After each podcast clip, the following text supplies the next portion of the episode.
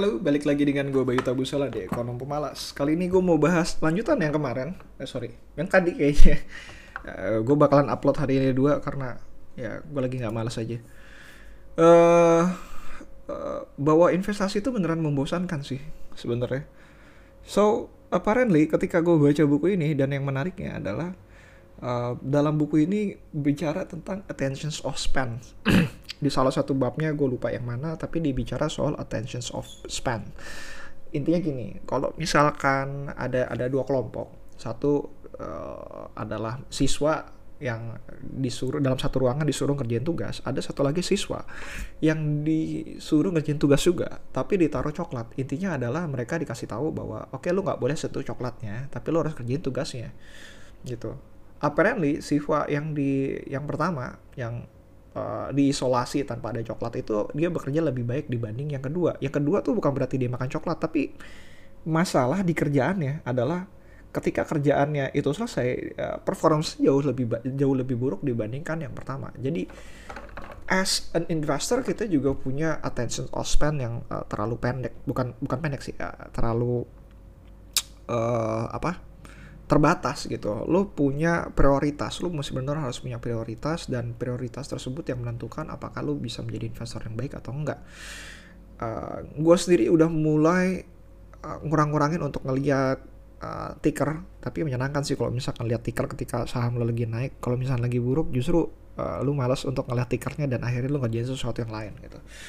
Somehow uh, dengan uh, apa dengan buku yang ada dan uh, kapabilitas gue yang sekarang gue berani jamin bahwa gue hampir tiap tahun pasti bisa menemukan sebuah perusahaan yang bisa gue investasikan dalam keadaan buruk maupun dalam keadaan yang baik.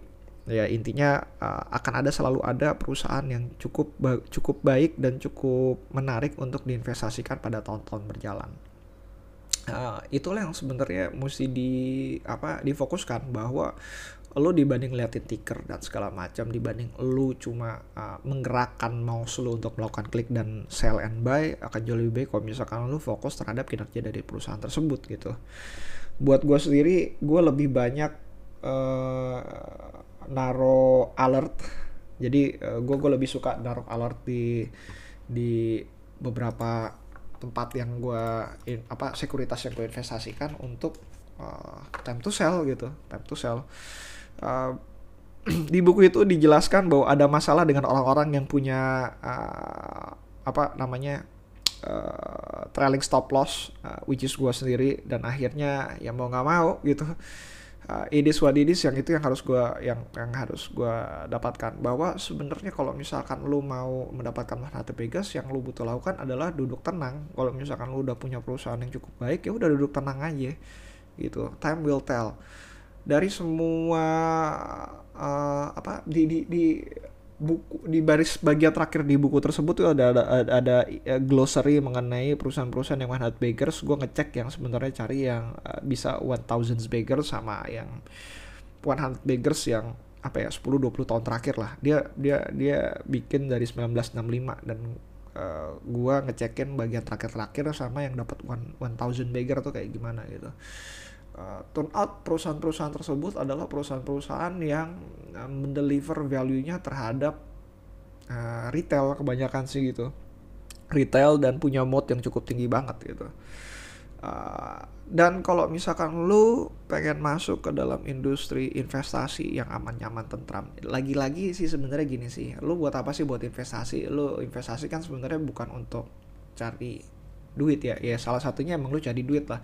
Tapi yang paling penting dari itu semua kan sebenarnya kebebasan waktu lu gitu. Uh, pada awalnya adalah kebebasan waktu lu untuk memilih uh, waktu luang lu ataupun waktu bekerja lu dipakai untuk apa gitu.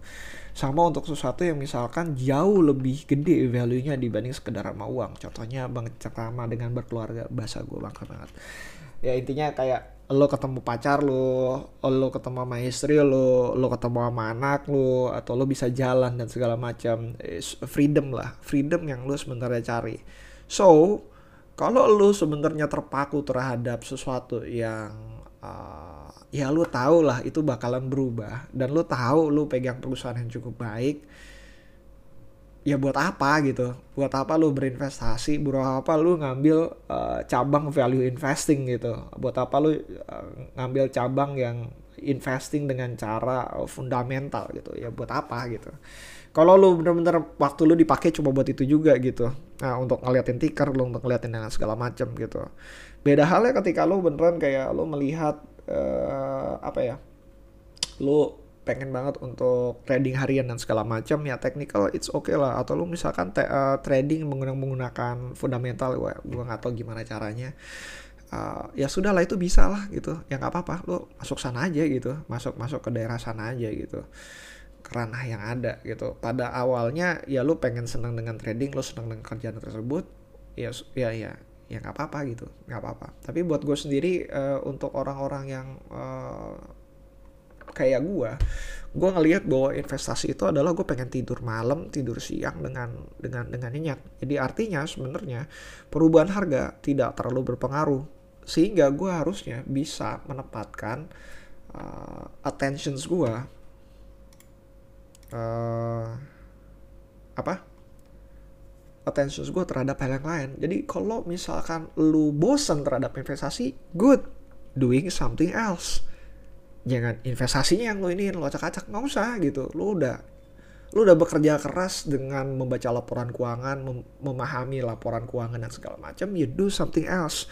Cari peluang lain di luar sana cari apa pun itu yang bisa lo lakukan uh, ya lepaskan uh, keinginan lo dari untuk uh, trading dan segala macam.